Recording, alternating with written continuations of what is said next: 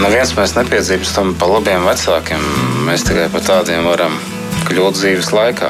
Ja mēs to vēlamies, mēs to varam sasniegt. Mēs tiekamies ģimenes studijā.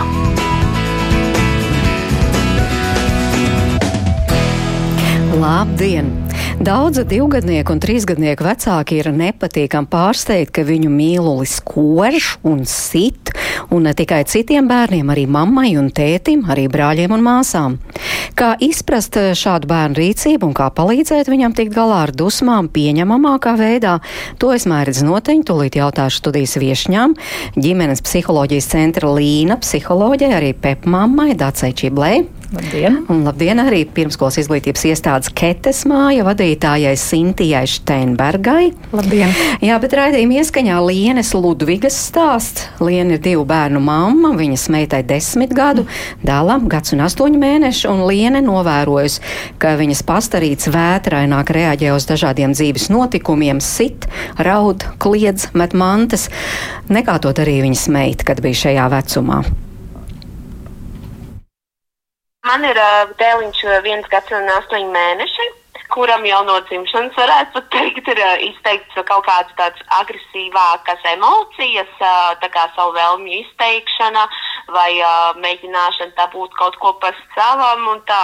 Piemēram, bērns grib kaut ko, nu, paņemt, kas varbūt ir dzīvībai bīstams, jā, kaut vai um, kontaktos uh, pāst visu ko, un tad, kad tas tiek aizliegts vai vēl kaut kā bērns ļoti izpauž savas emocijas caur kliekšanu, raudāšanu, sišanu, mešanu un uh, tādā ziņā agresīvs. Bet tā, ka, piemēram, viņam būtu komunikācijas problēmas ar citiem bērniem, kad pārdarīšanas tāds, tā kā nē, vairāk tā agresija izpaužās vairāk uz to vēlmi pa savam. Viņš jums sit? Jā, viņš sit gan man, gan māsai.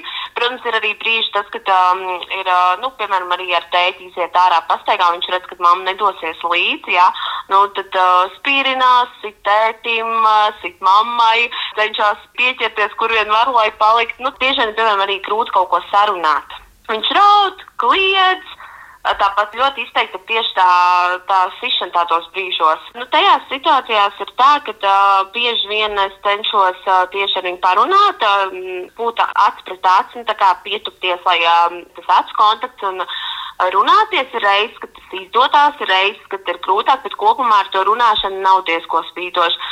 Visbiežāk ir tā, ka vienkārši ir doma novēršana. Nu, piemēram, paskatīties pa logu ārā, vai neiet kaķītis, vai vēl kaut kas tāds - novērst tās domas ar spēli vai ar kaut kādām rīcībām. Un tad arī tas izdodas, jo tajā brīdī viņš pazūd no tā, uz ko viņš ir tik ļoti koncentrēts. Vecuma posms varbūt arī ietekmē. Jā, vecuma posms, bet, piemēram, arī salīdzinot, protams, katrs bērns ir individuāls, jā, ka es salīdzinu, kāda man bija meita, mieriņš, jā, kā var teikt savam dēlam, es redzēju, ka viņš ir vairāk vērsts uz emocijām jau no dzimšanas, jo ir bijušas arī situācijas, kad arī es pats baroju bērniņu jau um, pirmajās pastaigās, vai kā dēlam bija, piemēram, ļoti izteikti tas, ka viņam vajag šeit un tūlīt vienalga vai to vai to vai to, ko viņš tā kā ir noskatījis, izdomājis vai vēl kaut ko.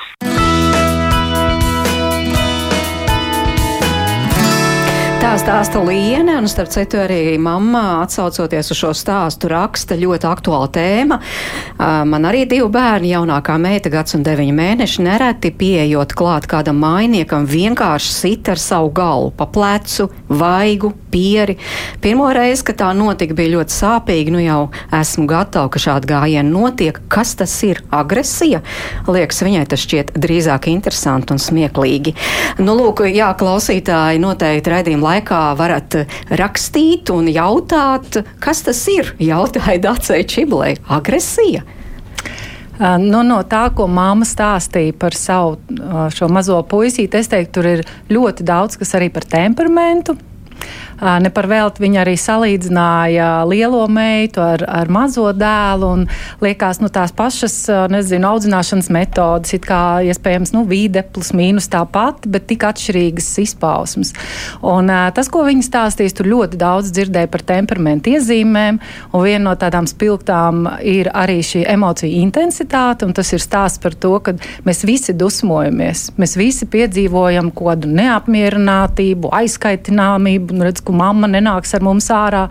Bet viens ir nu, bēdīgs un vairāk sevi, un cits ir uh, gluži pretēji. Viņš izpauž to nu, spēcīgi, kā māma stāsta arī momentāli, viņam visu tūlīt un tagad, skaļi, daudz, un tā ir viena no temperamenta iezīmēm. Bet tā, tā, tā emocija, kas tur slēpjas, dusmas galvenokārt. Jā. Vai ir vēl kādas emocijas? Note, noteikti ļoti daudz emocijas, dusmas, aizvainojums, aizkaitināmība, neapmierinātība. Tur ir noteikti arī stāsts par neapmierinātām vajadzībām, ko māma teica ārā. Iespējams, nu, nezinu, bišķiņi varbūt pārvilkts laiks, nezinu, miedziņš nāk, ēst gribās.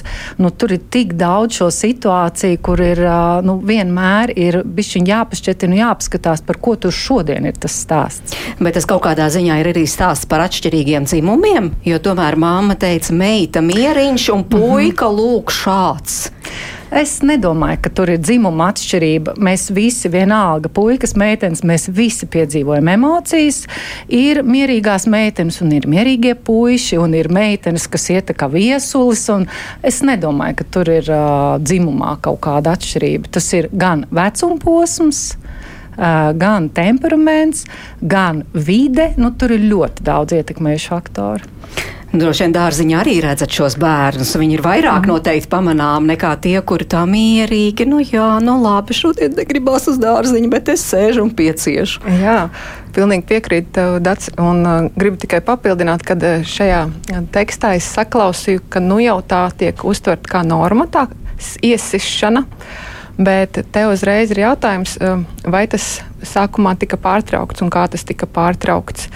Jo parasti ir tā, ka vecāki pasmīna, kas šajā ziņā ir viss droši vien nepareizākais solis. Jo, kad bērns sāk sist vai kost, katrā ziņā nedrīkst izrādīt šo smīnu sejā, lai bērns neuztver to kā spēli. Ja?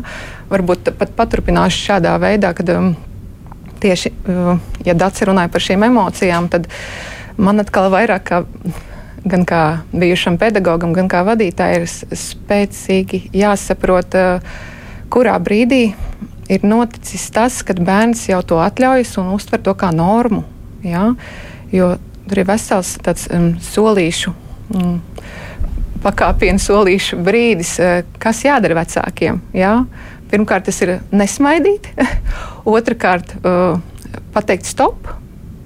Protams, visam cauri ir vienkārši pašam labi elpot, neuz iet uz tā viļņa, kur bērns atrodas, uz tā agresīvā viļņa. Ja? Uh, tev ir labi jāprot novadīt tā situācija tajā brīdī. Un tad jau tad jau mēs varam sākt izskaidrot par tām emocijām. Mm. Jā, nu, tāds gribētu dzirdēt arī jūsu viedokli. Tur tiešām laikam jāšķir, ka viena lieta ir tās situācijas, kad met mantas vai raud, vai nu, tādā veidā skaļi pauž savas emocijas. Mm. Un otra lieta tiešām ir tā, kad sit vai kož. Varbūt no sākuma par to, ka tur met mantas vai, vai nu, es nezinu, kaut kā tā. Tas ir labi, tas ir pluszīme vai mīnuszīme, vai vispār tā nedrīkstētu jautāt. Um, nu, ja es teiktu, jebkurai, jebkurai šai situācijai mēs mest mantas varam. Uh, arī tajās pašās emocijās, spēcīgajās, mēs mest mantas varam uzmanību pievēršot. Tā kā iemesli arī šeit ir dažādi.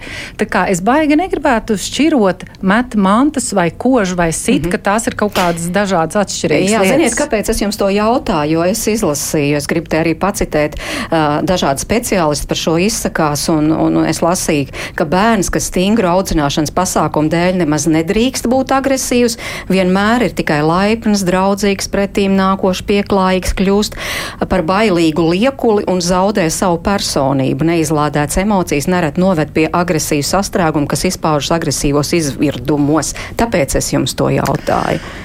Uh, Jā, iespējams, ka, ja tu ilgstoši esi spiests paturēt sevi, viens ir tas, ka varētu būt šie agresīvie izvirdumi, un viņi visticamāk būs absolūti neatbilstošos brīžos, un nu, tā pakāpe, kādā tā iz, tas izvirdums būs, viņš absolūti neatbildīs tai situācijai, viņš vienkārši būs sevi krājis, krājis, apspiedis, un tad tas pēdējais piliens liekas, nu tāds tā tāds radatiņu drusciņi, jā, mēs pabakstam, un tad iznāk viss, nezinu, pēdējais pēdējās nedēļas krājums ārā. Tā kā varētu būt arī šādi, bet es teiktu, vēl noteikti ar ko ir jārēķinās pie šī audzināšanas modeļa, kur mēs neļaujam paust šīs uh, emocijas uz āru. Uh, diemžēl ir jārēķinās ar psihosomātiskām saslimšanām. Bieži vien šīs apslāpētās emocijas mums nāk, nu, spiežās visos citos veidos ārā. Nu, bet tad kā? Tas, ka bērns tā reaģē, tad ļaut viņam to darīt vai tomēr uh, mēģināt citādi? Es teiktu, mums mācīties. Ir, Jā, mums ir jāmāca viņš, kas ar tevi notiek. Mums ir īstenībā primāri bērnam jāskaidro, jo, ja mēs šeit arī runājam, re, kur gads un desmit mēneši, divi gadi, eh, emocijas, šīs dusmas, mešana, sišana, košana, viņa īstenībā arī košana bieži vien parādās jau pirmā dzīves gada beigās, apmēram tas ir arī viss otrais dzīves gads. Ja mēs skatāmies no bērna attīstības viedokļa, ir jāsaka, ka šis ir laiks, tas otrais, trešais dzīves gads, ka šī fiziskā atreaģēšana ir normāla šim vecuma posmam, bet tas nenozīmē, ka mēs kā vecāki neko nesakām un, un vienkārši uh, mierīgi mājam ar galvu un ļaujam tam visam notikt. Uh, viens ir tas, ka mēs ar bērniem pārunājam, mēs mācām, skaidrojam, kas ar tevi notiek, mēs spoguļojam emocijas. Mēs viņam stāstam, ka jā, es redzu, tagad tu esi dusmīgs par to, ka tā mamma nenāks ar tevi ārā, kad jā, ka tu esi nezinu, aizvainots par šo situāciju informāciju. Mēs viņam mācām saprast. Tas, protams, nedod uh, to tūlītējo rezultātu. Nav tā, ka bērns pamās ar galvu, ok, es esmu dusmīgs, nu tad es neko. Uh, šis ir ilgtermiņa darbs. Otrs ir, kad mēs, ja viņš mums sit vienalga vai, vai kož vai met ar kaut kādiem priekšmetiem, jā, es piekrītu, kā kolēģi teica, mēs velkam robežu, mēs sakam stop, tu nedrīksti man tā darīt kur ir arī jābūt uh, citai sejas izteiksmei, citai balss intonācijai. Bērnam ir jāsajūt tā robeža, kas nozīmē, ka nevis mēs aizjām emocijās un sākam kliegt uz viņu, bet mūsu balss kļūst noteikta, uh, stingra, un mēs velkam šo robežu. Tā kā mēs viņu mācām šādi. Mm -hmm. Bērnu dārzā jums atliek laika. Jā, noteikti. Tam, tieši tai mācīšanai. Šis ir vispār darbiņš jau no agras bērnības arī audzinātājām, skolotājām. Ja? Un, kas ir ļoti svarīgi arī pašai stāstīt par savām sajūtām. Arī es mēdzu būt dusmīga. Viss ir kārtībā, kas ar tevi notiek. Bet tagad es tev pastāstīšu, kā mēs to varam uh, darīt savādāk. Ja? Varbūt aiziet pie draudziņa un palūdz viņam to mantiņu, ja? mācīt šīs darbības. Kā, jo viņš jau nemāķi pastāstīt reizēm. Viņš ir tik maziņš, tādos gads un astoņi, ne visi var runāt vēl. Ja? Un, uh, rādīt šo labo piemēru viņam. Jā, bet nu, jūs redzat arī, ka bērni ne tikai saviem tuviniekiem, bet, piemēram, bērnu dārzā jā. arī viens otram jā, iesit, protams, arī skolotājai var mēģināt sist. Arī. Jā. Bet šajā brīdī tiešām ir te, šis te balss tembrs, nevis bļaušana, bet vienkārši nopietns balss tembrs.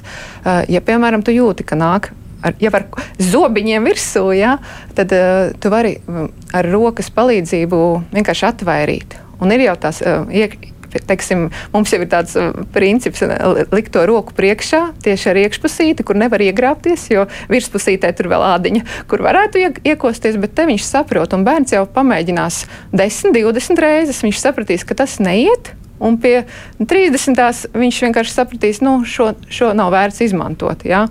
Uh, bet katrā ziņā nepieļaut nevienu reizi, jo tas, ko es redzu bieži gaiteņos, kad bērns iekož vai ies, iesper mammai, kad viņa ir atnākusi pakaļ, viņa smaida. Un tas pavisam nekam nedara.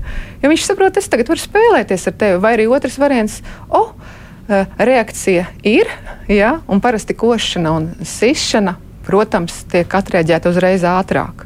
Un te arī ir viens moments, vai tu saklausi savu bērnu, kad viņš vienkārši to paraustais svārku maliņas, vai tikai tad, kad viņš sāka sist vai kost. Mm. Bet mēs šos bērnus varam saukt par agresīviem bērniem. Man tā negribētos teikt, jo ir svarīgi, ka mēs nevis bērnam uzliekam kaut kādu zīmogu, bet mēs vienmēr kā pieaugušie mēģinam izprast, kas ir iemesls. Jo katrai bērnu uzvedībai ir iemesls. Un te ir svarīgi, jā, vai mēs esam uh, tik ieinteresēti, lai mēģinātu izprast to situāciju. Vēl viena situācija iz dzīves, un to stāsta arī divu bērnu māma Laura. Viņas vecākajam bērnam šobrīd trīs gadi, bet jaunākais šajās dienās kļuvis gadu vecs. Klausāmies Lauras stāstu. Pats sākums mums bija bērnu dārzā kad vecākajam dēlam biedrs tā no sirds iekoda rokā, un tas arī viņam atvēra to pāri darīšanas pasauli. Un, nu, viņš saprota, ka tā vispār var darīt, un ka tā tas notiek. Un, lai gan tas bija, man liekas, jau vairāk kā pirms pusgada, viņš šo notikumu man stāsta joprojām, kā tas būtu bijis vakardien. Un, uh, pēc tam viņš pamēģināja man iekost. Mazajai māsai gan ne, bet uh, viņš redzēja, ka koduma tās pēdas, kas paliek uz rokas, piemēram, vēl ilgi, zobiņi. Un tas arī bija tas posms, kāpēc viņš to ātri pārtrauca. Viņš saprata, ka tas ir sāpīgi. Viņš redzēja to, nu, to sakas, kas notiek. Bet tad, kad viņš jums iekoda, nu, kāda bija tā situācija? Kas nenotiek pēc viņa prāta. Nezinu, negribu iet gulēt, eh, negribu tagad ķerties uz dārziņu, piemēram, vai es nezinu, kaut ko viņš nodarbojas, varbūt tās, ko viņš tajā brīdī ir gribējis. Eh, tur nekam lielam nav jābūt, tas pietiek ar sīkumu. Mums kaut kā tā košana super ātri pagaista pati no sevīm. Nu, tā kā mēs neko īpaši nedarījām, tikai es rādīju to, piemēram, savu roku, ļoti tas sāp, un, un ka mēs tomēr varam ar vārdiem kaut ko pateikt, ko mums gribās, vai kas mums nepatīk, ka nav obligāti jādara pāri mammai un tā. Bet pēc tās košanas sāka naktas spēršana, kas arī kā uzējās dārziņā. Bet uh, spēršana ir grūtāk, jo spēr viņš gan man, gan savām mantām, gan mēbelēm, un arī sāka spērt māsai.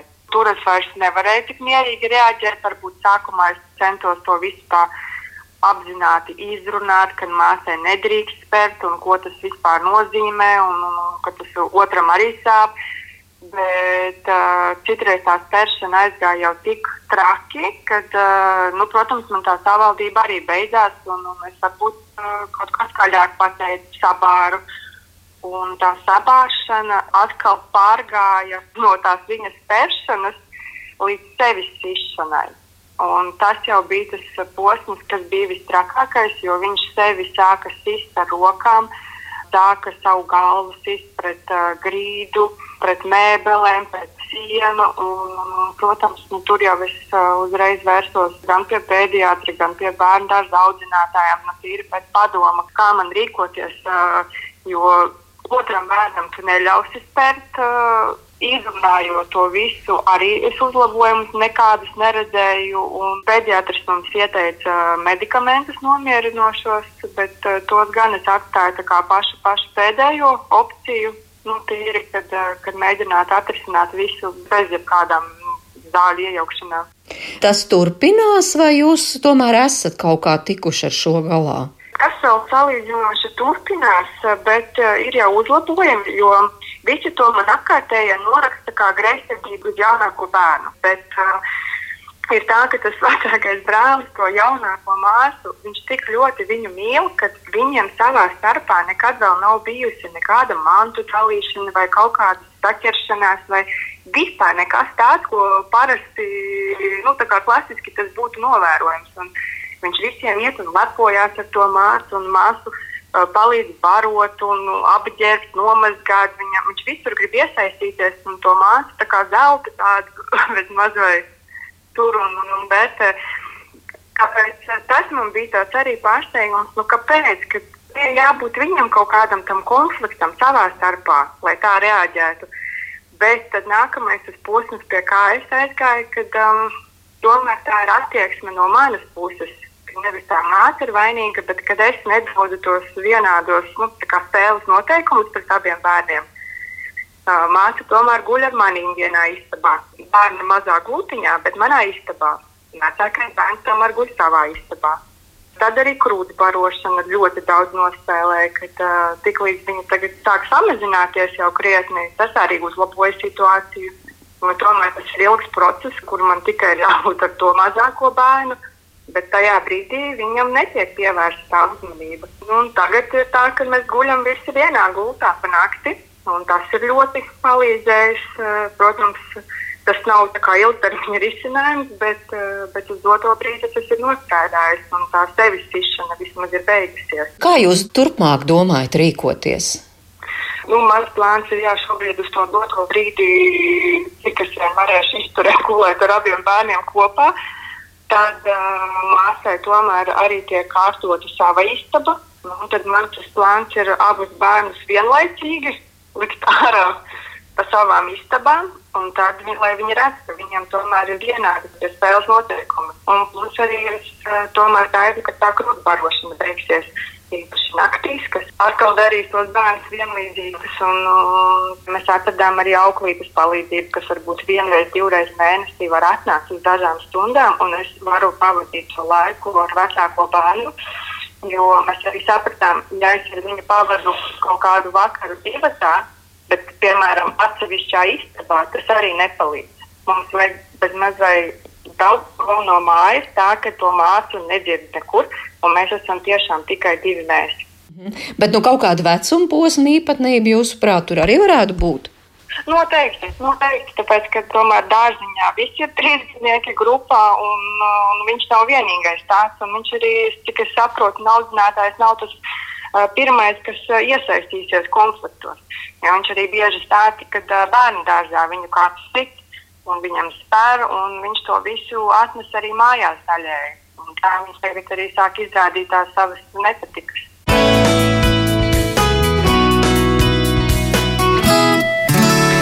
Paldies Laurai par šo atklāto stāstu. Es atgādinu, ka to klausījāmies kopā ar ģimenes psiholoģijas centra Līna psiholoģi, arī pepmāmu Daci Čībli un pirmskolas izglītības iestādes Ketes māju vadītāju Sintīju Steinbergu. Un, protams, varat arī mums rakstīt un jautāt speciālistiem, bet es gribētu paturpināt šo Lauru stāstu divos aspektos. Tātad ģimenē ienāca vēl viens bērns tā ir grūta situācija šim vecākiem. Īpaši tur ir nu, maza vecāku starpība, vecumu starpība, trīs gadi un jā, gadiņš. Jā, pilnīgi noteikti. Jebkura jauna ģimenes locekļa parādīšanās ģimenē, viņa to ģimenes sistēmu visu uh, izmaina. Katram ir jāatrod atkal sava vieta. Arī vecākiem liekas, nu, reizēm vecāki saka, nu, es saprotu, jā, tur varbūt tam bērnam kaut kas, bet īstenībā mums absolūti visiem reizēm tas pat nav stāsts par jaunākā bērna ienākšanu. Reizēm tas ir suns vai kaķis, ko mēs paņemam, un arī tas visu izmaina ģimenē. Bet jā, otrā bērna ienākšana šim vecākajam bērnam īstenībā nu, iedod to situāciju, ka nekas vairāk nav tā, kā bija pirms tam man ir uh, jāatrod, kā būt svarīgam un nozīmīgam, kā saglabāt to sajūtu, ka mani vecāki mīl mani joprojām. Un šajā piemērā man liekas, māma brīnišķīgi arī pati jau tur bija analizējusi un gājusi tam cauri, un, un arī ir atradusi šo stāstu, kad, uh, ja ir tas nedalītais laiciņš ar bērnu, un tieši tā es piekrītu, ja viņš ir nevis blakus istabā, kur mamma ar vienu ausi klausās, vai tā mazā māsa tur neiečīkstās, vai nu, tā, tā uzmanība nav dalīta. Es esmu tikai un vienīgi ar lielo bērnu kopā. Tas noteikti uzlabo situāciju. Jo tas, kas viņam ir vajadzīgs, atgriezt atpakaļ sajūtu, es saviem vecākiem esmu tikpat svarīgs, viņi mīl mani tikpat ļoti, viņi grib ar mani pavadīt laiku tikpat ļoti kā pirms tam, jo ikdienā, diemžēl, tas, ko redz lielākais bērns, ko viņš piedzīvo, ir cita realitāte. Ir tāpat zīdīšana, ir daudz laika kopā ar mazo bērnu. Tas ir ļoti daudz uz rokām, kā māma teica, gulēšana, jā, vienam tur, vienam kā, citā istabā. Nu, kā, tur ir ļoti daudz izmaiņas bērniņam. Mm, jā, bet speciālists pat ieteica, varbūt lietojiet medikamentus, bet māma pamēģināja. Nu, tad mm -hmm. tiešām kaut kā mēģināsim līdzīgi izturēties pret bērniem. Tur gulēšana vienā gultā, kas es uzskatu droši vien nav vecākiem ļoti ērts pasākums. Vai nu gaidām, kad beigsim zīdīt eh, jaunāko bērniņu. Es nezinu, kādas vēl var būt tās stratēģijas, lai tiešām tiktu galā.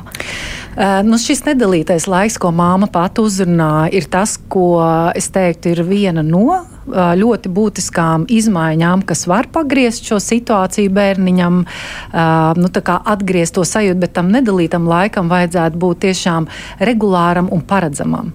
Ka tas nav tā, ka uh, tam bērnam ar savu, nezinu, vai nu čīkstēšanu, vai slikto uzvedību viņš staigā tai mammai apkārt tik ilgi, kamēr viņa saka, ok, labi, nu tad iesim mēs ar tevi paspēlēties.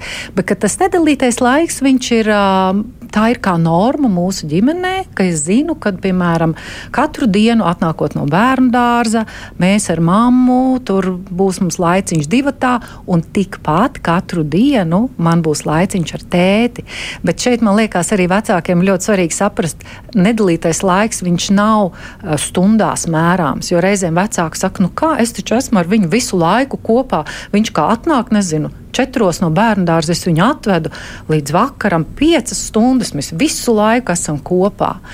Nedalītais laiks ir ļoti koncentrēts. Parasti ir tik ilgs, cik šī vecuma bērnam ir uzmanības noturība uz vienu nodarbi. Tā ir viena konkrēta lieta, kur mēs ļaujam vadīt bērnam, Mēs jautājam, kas ir tas, ko tu gribētu ar mani kopā spēlēties.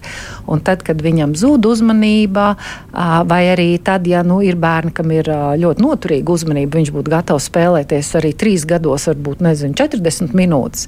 Bet es kā māma saprotu, ka man ir nezinu, mājas darbi, ir tas otrs bērniņš, es nevaru. Mēs viņu limitējam.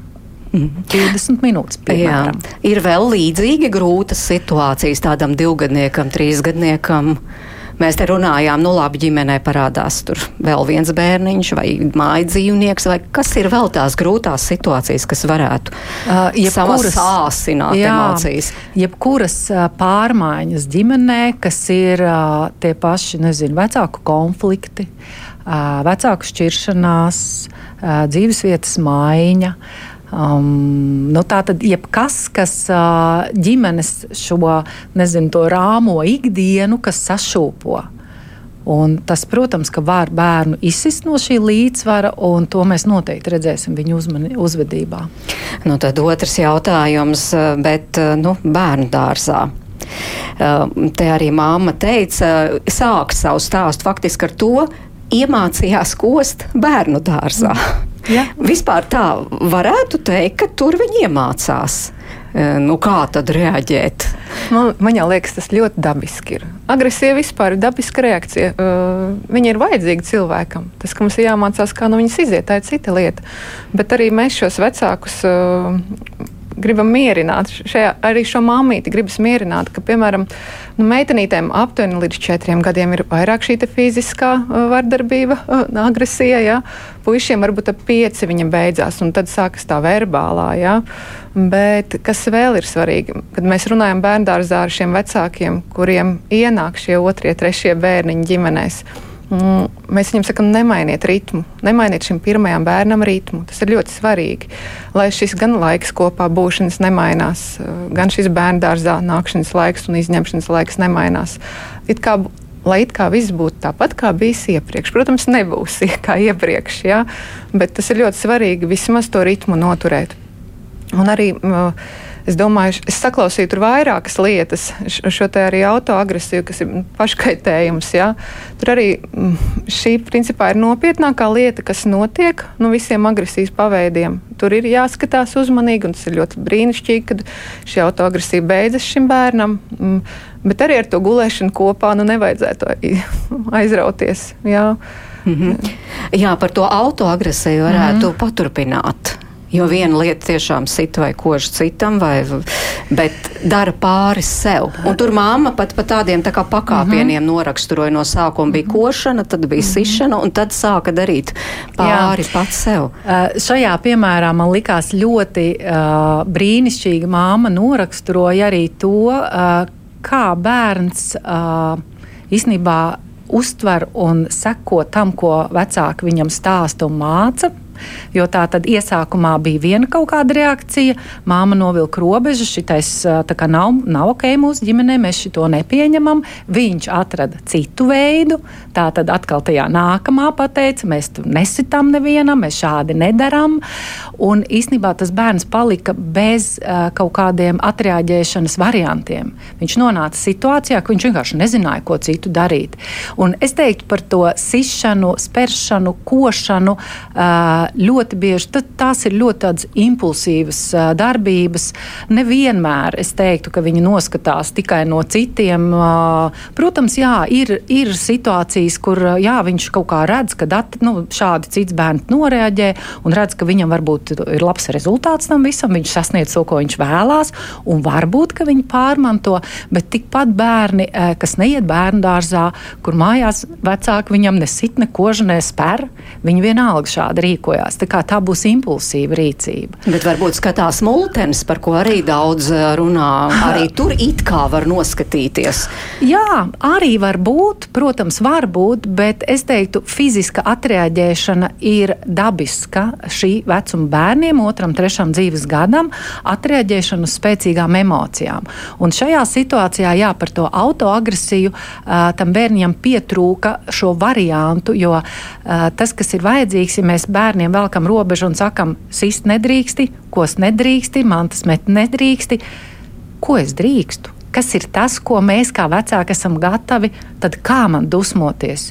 Jo viņš piedzīvo ļoti spēcīgas emocijas, jo vairāk jāiecevišķi nu, līdz tam vecumam, kamēr valoda nav viņam tik attīstīta, lai viņš varētu izteikties. Tas ir daudz uh, biežāk sastopams, tas ir uh, spilgtāk, varbūt izpaužās, jo viņš ir īstenībā tikai savu emociju varā, un viņam nav nekādu variantu.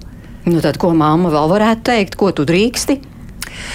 Um, nu, arī caur šo fizisko, um, fiziskām kustībām mēs bieži vien piedāvājam mācīt, ka tu vari ar kājām dipināt un, un parādīt, cik tu esi dusmīgs, tās to savu neapmierinātību. Vai reizēm arī bērniem mēs mācām, ka uh, tu vari šādā dūrīties, saspiest rokas un parādīt, cik tās tavas dusmas ir lielas.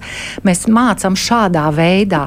Uh, ja, ja es kā vecāks novēroju, ka manam bērnam uh, vienalga, vai tas ir nākamā bērniņa ienākšana ģimenē, vai tas ir tāpēc, ka esam uzsākuši bērnu dārzu, un šīs dusmas, agresija ir bieži, tad mums kā vecākiem ir jau apzināti jāpiedāvā vieta un laiks emociju izpausmē šo nu, uh, saspīlēto emociju, kas viņā ir iekšā, vienkārši izlāde. Un emociju izlāde ir viena no mūsu pamatu vajadzībām. Nu, piemēram, klausītājs gaidas raksta man apkārt, viss sūta savus bērnus 3 un 4 gadu vecumā uz cīņas sportiem.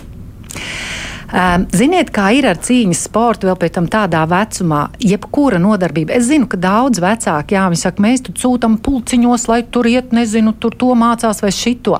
Jebkurš pulciņš, kur mēs bērnu aizsūtām, tas vienalga ir par to, ka uh, viņam ir jāsako pieaugušam, viņam ir atkal jāiespringst, jākoncentrējās, viņam tur ir noteikumi, tur nav nevienā, arī ne cīņā, tur nav tā, ka tu ej un vienkārši izpaudies. Tev ir ļoti strikti strikti noteikumi, un tas ir atkal par iespringšanu. Un, ja tev ir tā dzīves situācija tāda, ka tev ir nemitīgi iespringšana, ir bērnu dārsts, ir māsa mājās, ir noteikumi jau mājās, un tu dabūni vēl plusā noteikumus, es nedomāju, ka tas šobrīd var ļoti viņam atvieglot dzīvi. Mm, nu jā, varbūt ar māmu tēti izbraukt kaut kur ar riteņiem vai kārtīgi izskrieties pa parku. Tas jā. varētu būt labāks variants, vai ne? Patiesībā jā, te neiet runa tikai par cīņas veidiem. Uh, tas, ko mēs saprotam vispār ar vārdu veselība, sports, eh, jebkurā gadījumā gan pieaugušam, gan bērnam tas tāpat strādā. Sports palīdz šai agresijai. Un nevelti saka, vecāki ejiet brīvdienās pastaigāties. Nu, e, ejiet ar viņiem laukā parkos, ja nav meža blakus ar riteni. Ja nē, ar riteni, tad ar vienkārši paskraidīt pa parku. Tas tiešām palīdz. Tas palīdz. Jā. Mm -hmm. Jā, un savukārt Inês klausoties rakstu mums tā liekas, ka šos stāstus par mazu bērnu košanu, speršanu vairāk dzirdam pēdējā laikā. Vai pēc spoka, audzin, vai eh, pēc spoka audzinātie bērni arī šādi uzvedās? Varbūt taisnība tiem, kas saka, ka esam izlaiduši savus bērnus, un tāpēc tas tā. Ar spoku audzinātie bērni, manuprāt, eh, šobrīd 40, 50 gados iet pie terapeitiem vairāk. Dāce? Jā, nu, es savu bērnību neatceros, vai man kāds kodu, vai es pati kodu, jo es noteikti esmu tā paudze, kas ir uh, spoka audzinātā. Bet, um, Es domāju, ka jā, šobrīd, protams, mēs uh, bērnus vairāk audzinām uh, ar tādu, ka mēs viņos vairāk ieklausāmies, mēs pieņemam vairāk viņu emocijas, viņu vajadzības, mēs tām sekojam. Un, nu, es piekrītu, jā, ka ļoti gribās cerēt, ka šī paudze būs tā, kurai varbūt būs mazāk ko pārstrādāt vēlāk uh, terapijā. Nu, man grūti komentēt, jā, var jau būt, ka tur var savilkt kaut kādu saikni. Mm, jā, Bet es nedomāju, ka tas ir tieši par košanu, jo pirmais, nu nezinu, no šie pirmais, otrais dzīves gads tīri dabiski ir bērnam pētīt pasauli caur muti. Un tā ir absolūti normāls attīstības, tāds, nu, attīstības stadija. Tā kā visu iebāzt mutē, visu pagaršot, un uh, reizēm bērnu kož ne tikai aiz dusmām, viņi kož arī aiz milzīga prieka jo viņi ir tik pārņemti ar tām savām emocijām, viņi ar to vaļējo muti nāk klāt. Un viņi neapzinās, ka viņi nodara pāri. Un ir tas, ja mēs stāstām, ja mēs velkam to robežu, ar laiku viņi nu, dara savādāk. Mm -hmm, bet es pie šī gribu vēl pakavēties. Bet viņi neapzinās, ka dara pāri. Nē, viņi nesaprot, nē, ka otram nē. sāp. Nu, redziet, eh, es teiktu, arī tas otrais, dzīve, trešais dzīves gads kopumā eh, bērniem, ja mēs ņemam no smadzeņu attīstības viedokļa, viņiem vispār šajā domāšanā nelīmējās kopā tas, ka es šajā situācijā jūtos tā, bet cits jūtās savādāk. Viņi tādās kategorijās nedomā. Viņi piedzīvo emociju, un viņi automātiski vienkārši atreaģē. Jo, ja jūs viņam uh, paprasīsiet pēc tam, vai tas bija labi, viņi jums tā kā pantiņu nostais, noskaitīs. Viņi ir ļoti gudri, ja jūs viņiem esat to stāstījuši. Viņi to visu zina, bet tajā mirklī Viņi nespēja, viņi, tad, tas ir stāsts par emociju kontroli, kas ir īstenībā spēja, kas attīstās ļoti lēnām un pamazām visā pirmskolas vecuma laikā. Nu, veiksmīgā gadījumā līdz skolai mēs spējam paši kontrolēt savas emocijas, bet šie mazie bērni noteikti viņi neiet ar tādu, ka es zinu, ka es tev tagad darīšu pāri. Mm -hmm. nu jā, un tad, kad šī spēja parādās, tad droši vien arī šis vienkārši beidzas. Bērni tā vairs nedara. Viņi māk kontrolēt savas emocijas, un tā vairs nedara. Bet cik ļoti vide šo ietekmē? Jo reizēm vecāki tā saka, kā mans bērns mājās ir vienkārši lielisks, un te pēkšņi bērngārzā pasaka, nu, ziniet, jūsējais iekod vai iesit, vai arī pilnīgi pretēji. Bērngārzā eņģelīts un mājās lūk, piemēram. Tā ir sit. tā emocionālā izlāde, es domāju, šī gadījumā. Es bieži redzu, kad atnāk mamma no priecīgā bērna, pēkšņi ir reakcija raudāšana. Un te nu ir tā, šajā vecumā tās tā emocijas ļoti mobīlas, no vienas galējības otrā te tu smejies, te tu raudi, un vienmēr arī mierinām šos vecākus, kas nu, ir neizpratnē, kāpēc viņš pēkšņi raud, vai pēkšņi sāk skaļi smieties. Tur ir pārpilnība, un, protams, bērngārzā tās emocijas ir ļoti daudz. Arī šīs reakcijas, ko patiesībā viņi iekožot. Um, tā kā uzkrāja, viņi jau grib paskatīties, kā tas būs, ja es iekodīšu, kā tas būs, ja es iespēšu, pagrūdīšu, pastumšu. Ja? Un mēs piedāvājam rotaļas, rotaļas spēles dažādas. Tad, kā mācīt bērnam emocijas kontrolēt, kā viņas spēt arī nomainīt vienu pret otru.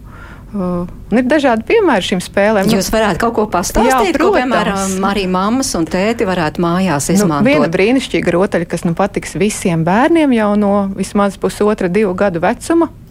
Un noteikti līdz pat sešiem, septiņiem ir dzīvnieku spēlīte, kur ir uh, šie dusmīgie lāči, priecīgie lāči, saskumušie zaķīši un rotaļīgie zaķīši.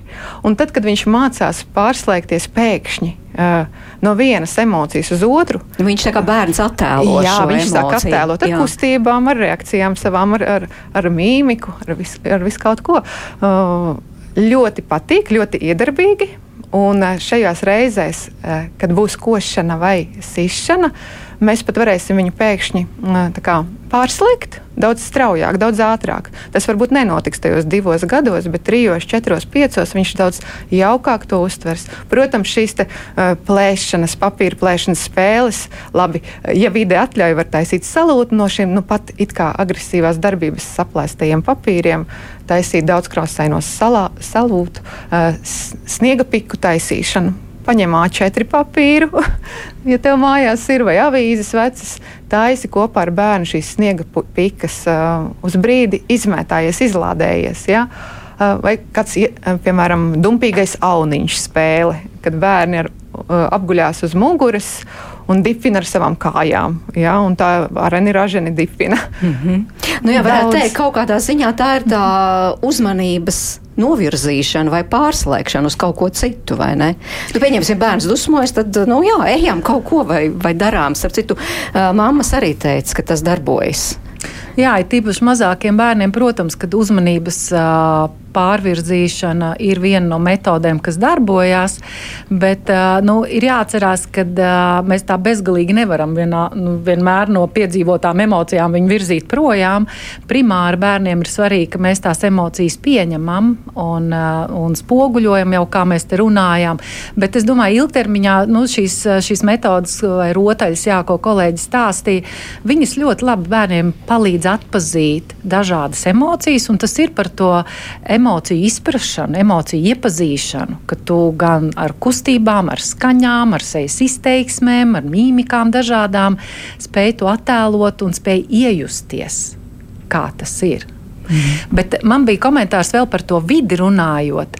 Uh, jā, var būt tā, ka uh, vecāki saka, mājās ir tā, bet bērnu dārzā ir savādāk. Jo ir jāatcerās arī tas, ka uh, ir uh, nu, gana daudz sensoru jūtīgu bērnu. Šobrīd par to ļoti daudz runā. Un ir bērni, kas tiešām pie paaugstinātas nu, trokšņa, kur ir liels skaļums, liels skaits bērnu tie ir milzīgi stimuli. Un, protams, ka mājās viņam nav šādu stimulu, kādi ir bērnu dārzā. Viņi ir lielā komplektā, viņi ir ļoti daudz, viņi ir ilgstoši. Un var būt tā, ka no to milzīgo stimulu tās buķetes ietekmē, jā, viņš vienkārši ir tik pārgurs, viņš netiek ar sevi galā un tā košana parādās bērnu dārzā. Jā, nu, ļoti tipiski, mm ļoti tipiski patiesībā. Un gadiem ejot, es redzu, katru gadu aizvien vairāk vide ietekmē bērnu uh, skaits. Kāpēc arī Ketis mājā nav daudz bērnu, kad 12, 14 mums parasti ir grupiņās. Ja? Um, ja mēs redzam, ka nu jau viss ir izdarīts, mēs ķeramies pie šī jūtīguma tēmas. Ja? Un, uh, protams, pirmais tas ir troksnis, dienas gaismas, kas viņus var ietekmēt. Nerunājot jau, protams, par apģērbiem, uh, ko mēs arī pārnājam ar vecākiem. Jo vēl ir kas alerģijas, kas ienāk aizvien vairāk, parādās. Jā. Jo šī agresivitāte, starp citu, arī vēl ne, nestāstījām, mm, viņa bieži parādās alerģiskajiem bērniem. Viņiem tiešām kaut kas kņūda, kaut kas uh, ļoti kaitina, un viņi paliek agresīvāki arī tad. Ja? Bet noteikti šie ir tie faktori, kas jāņem vērā ļoti. Un mums pat ir tādi izstrādāti testiņi, kur mēs tiešām arī novērtējam, kas tad varētu būt tie faktori, kas viņu ietekmē šādā veidā. Bet jūs stāstāt arī vecākiem, Jā, jo nereti vecāki nemaz īsti nezina, protams. kas tur dārziņā notiek. Nu, tas tā kā tiek noklusēts, notušēts, nu jā, tā jau ir uh, jā. vecuma īpatnība, tur neko nevar darīt, bērns izaugs vispār. Nu, jā, es viss... redzu, ka uh, bērndārzos brīnišķīgā, brīnišķīgā brīnišķīgais princips individuālās tikšanās palielinās un aizvien biežāk es dzirdu, ka tas notiek. Mums, piemēram, tās ir divreiz gadā šīs individuālās tikšanās, bet noteikti pēc vajadzības arī.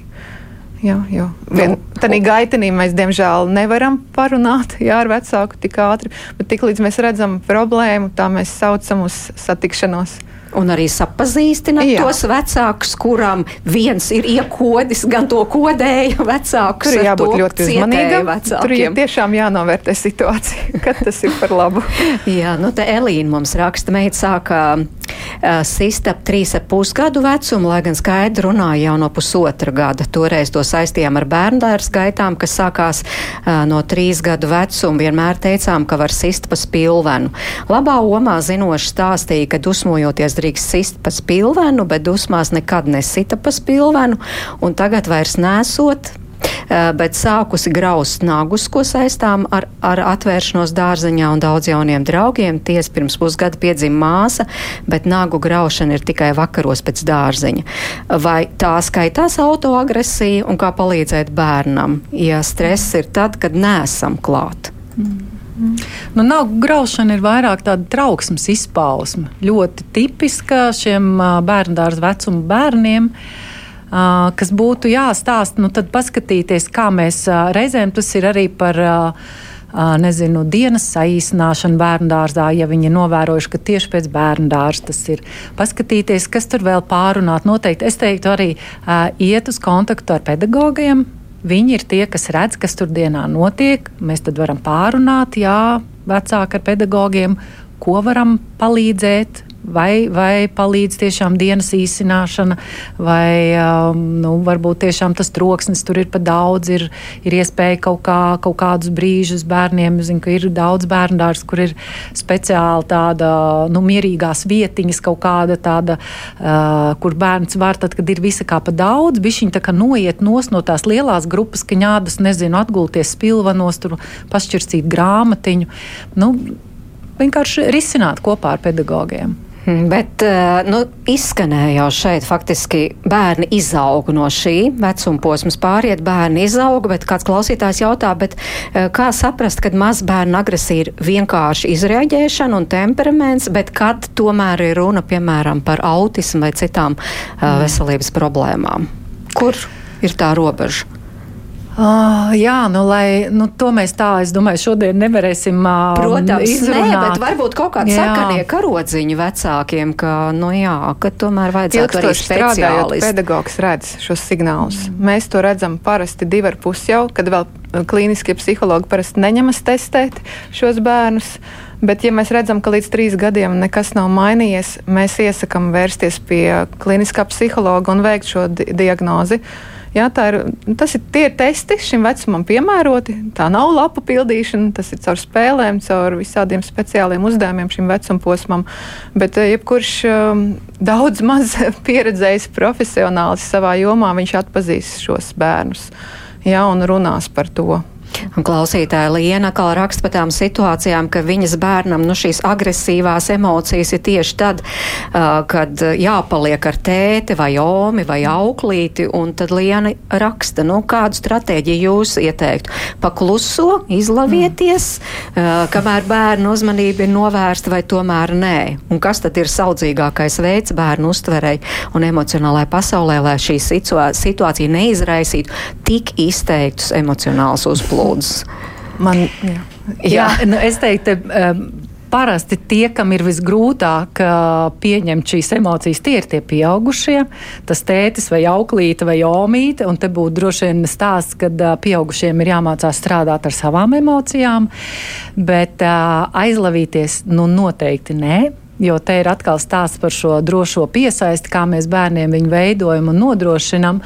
Un, uh, um, jā, nereti vecākiem liekas, nu, ja es aizmukšu, mani nemanīs, tad nebūs tā lielā brēka. Bet tas, ko mēs, uh, diemžēl, iegūstam šādi rīkojoties, ir, ka bērnā trauksme tikai aug. Viņš īstenībā vispār vairs nav gatavs spēlēties pats vai nodoties šai spēlē, jo viņš piedzīvo ikdienā to, ka tad, kad es iegrimstu, tad, kad es ļaujos šai spēlē, tā mana mamma vienkārši var pazust. Un tad viņa pielīp mammai trīsreiz vairāk, viņa ieķerās ķerās kājā, nelaiž vispārībā no acīm ārā. Tas nebūs noteikti risinājums. Sinte, jūs arī noteikti zināt, jo tur bērniem katru rītu ir jāatvadās no Jā, saviem vecākiem. To pilnīgi es piekritīšu. Mm. Arī dārziņā obligāti jāatvadās, bet otra puse tam jautājumam, kas man arī iešāvās prātā, šie vienādie noteikumi tiem tētiem, omēm, kas paliek ar bērniem. Jo nereti ir tā, ka mamma zina šos noteikumus, un tētis, mamma, ome dara pavisam savādāk. Jā, teiksim, visiem ir jābūt uz vienas nots, kas notiek, ja bērns sit vai kož, ka tu viņam nedrīkst ļaut. Tu viņam saki šo stopu un nesmaidi. Ja? Bet atvadīšanās, protams, mm -hmm tas obligāti, obligāti. Jā, bet nu, mēs arī šeit ģimenes studijā un visā sabiedrībā daudz runājam, ka tagad arī tomēr skolās daudz agresīvu bērnu. Uh, tie ir bērni, nu, kuri nav, nav nu, kā lai pasaka, nav tikuši galā ar šīm emocijām, ir izauguši līdz skolas vecumam, bet tas nav nu, vai nu pašiem atrisinājis, vai ar speciālistu palīdzību nav atrisināts. Kas, kas ir tā agresija, kas pēc tam turpinās? Jā, noteikti viena no sadaļām ir stāsts par šo emociju regulāciju, ko iespējams šie bērni arī nav apguvuši. Viņiem nav bijuši šie pieaugušie uh, nu, līdzās tik prasmīgi, lai mācītu. Jo, protams, kad viena sadaļa arī kā bērni mācās uh, emociju regulāciju, ir no vecāku piemēra, no tā, kā vecāki paši reaģē, tad, kad viņi ir dusmīgi, kad viņi aiziet uh, nu, tādās spēcīgās emocijās. Bet arī, ja mēs domājam par to saikni maziem bērniem un tādiem pusauģiem, tad es teiktu arī, ka iespējams, ja es kā divgadnieks saprotu, ka caur agresiju ir vienīgais veids, kā apkārtēji uz mani reaģē, tad es to vienkārši paņemu kā tādu dzīves metodi. Un es eju cauri viņu, es eju uz bērnu dārzu šādi, jo kamēr es esmu kluss un mierīgs, neviens mani nepamāna, un es, es jūtos lieks un nevajadzīgs. Un tad, kad es esmu šis agresīvais, beidzot mani redz. Un, jā, ja laicīgi nav reaģēts, ja laicīgi šis nav risināts, diemžēl tas var aiziet šādi arī uz tiem pusauģu gadiem. Nu, cerams, ka tas notiks aizvien retāk, jo tiešām vecāki izglītojas un reka ir dažādi speciālisti lieliski, kas var sniegt padomus, kā šīs situācijas labāk risināt. Paldies mūsu studijas viešņām, psiholoģijai Dācei Čiblei un arī bērndārza vadītājai Sintijai Steinbergai. Um, domāju, vecākiem ļoti noderīgi padomi, īpaši tiem vecākiem, kur bērni šajā vecumā. Uh, un uh, par šo paldies arī ģimenes studijas komandai, producentei Sarmītei Kolātei, arī Ievai Zariņai, Tomam Šicam, Mārtiņam Paeglim. Pie mikrofona bija Mērits Notiņa un, kā vienmēr, tiekamies rīt 5 minūtes pār diviem un lai jums labs dienas turpinājums!